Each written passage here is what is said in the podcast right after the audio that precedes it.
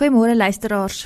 Ons is besig om te kyk na Efesiërs 2 vers 14 en die mooi woorde wat daar staan: Hy is ons vrede. Christus is ons vrede. En nou vat ek sommer net daar wat voor lê, elkeen van hierdie letters. En ons is nou vandag by die R van vrede.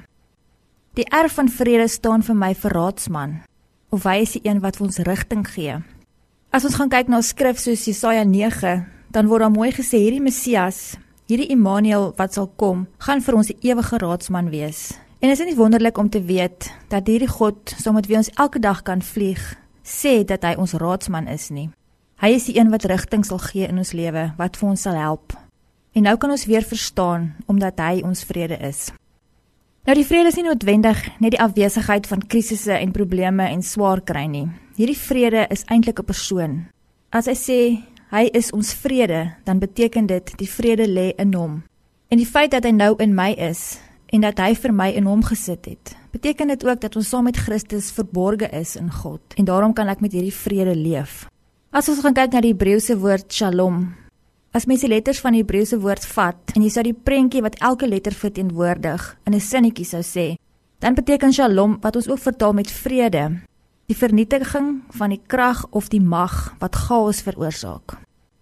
Nou Christus wat ons vrede is, is ons raadsman en hy kan vir ons rigting gee. Want hy het elke krag en mag in jou lewe en in die wêreld wat chaos veroorsaak, vernietig. Of dit nou chaos in jou persoonlike lewe is of chaos in die wêreld.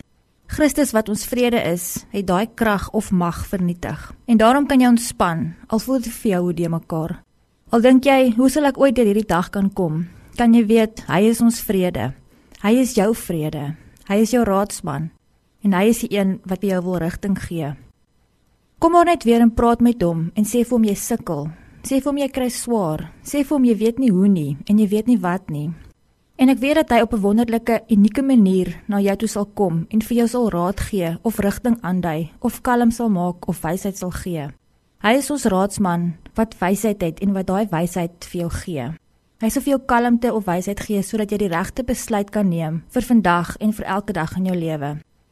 Kom ons bid saam. Hemelse Vader, dankie dat U in Christus my vrede is en dat U my raadsman is wat ook vandag vir my rigting sal gee. Amen.